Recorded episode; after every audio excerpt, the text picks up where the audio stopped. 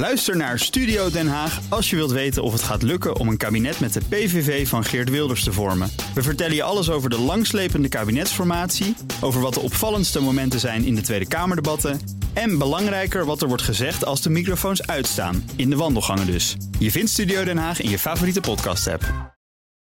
De column van Marianne Zwagerman. Met mijn neus tegen het scherm bestudeerde ik dat filmpje van Baudet. Je weet het niet met die deepfakes tegenwoordig. Was hij het wel echt? Waarom hing dat ene gordijn zo raar? Is dat een signaal? Zijn haar is toch niet meer zo zwart? Politiek maakt oud. Op een recente ANP-foto zag ik duidelijk grijze haren. Of zou hij zo'n spuitbusje met verf hebben, net als Rudy Giuliani?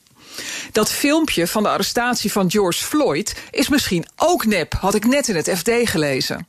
De personen die we daar op beeld zien zouden allemaal door computers gegenereerd zijn. Synthetische media creëren uiterst geloofwaardig een wereld die niet echt bestaat. Luister de technologen over dit onderwerp maar even terug. Wat kunnen we nog geloven? Er was wel een extra journaaluitzending over de Bodexit, maar de fake news media kunnen wij niet vertrouwen. Dat heeft Thierry al zo vaak uitgelegd.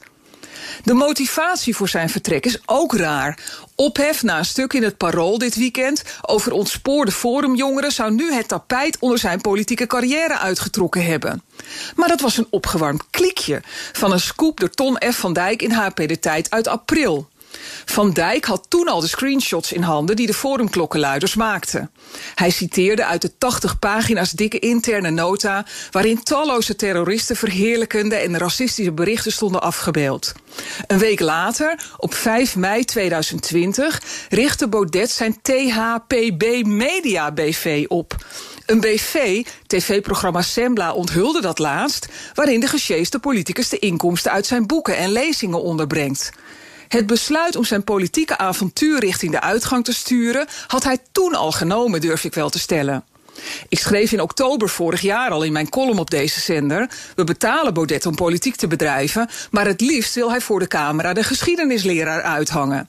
Het ware aapje van zijn NPO-frustratie kwam toen al uit de mouw. Nu geeft hij media de schuld van zijn vertrek als lijsttrekker. Trial by media noemt hij het. Saved by media is een juistere omschrijving. Media zijn de afgelopen vier jaar brave podiumbouwers geweest voor Baudet... die nu eindelijk wel boeken verkoopt en geld kan vragen voor lezingen. Zijn U-bocht naar waar hij uit wilde komen liep over het Binnenhof. Met dank aan de media. At your service.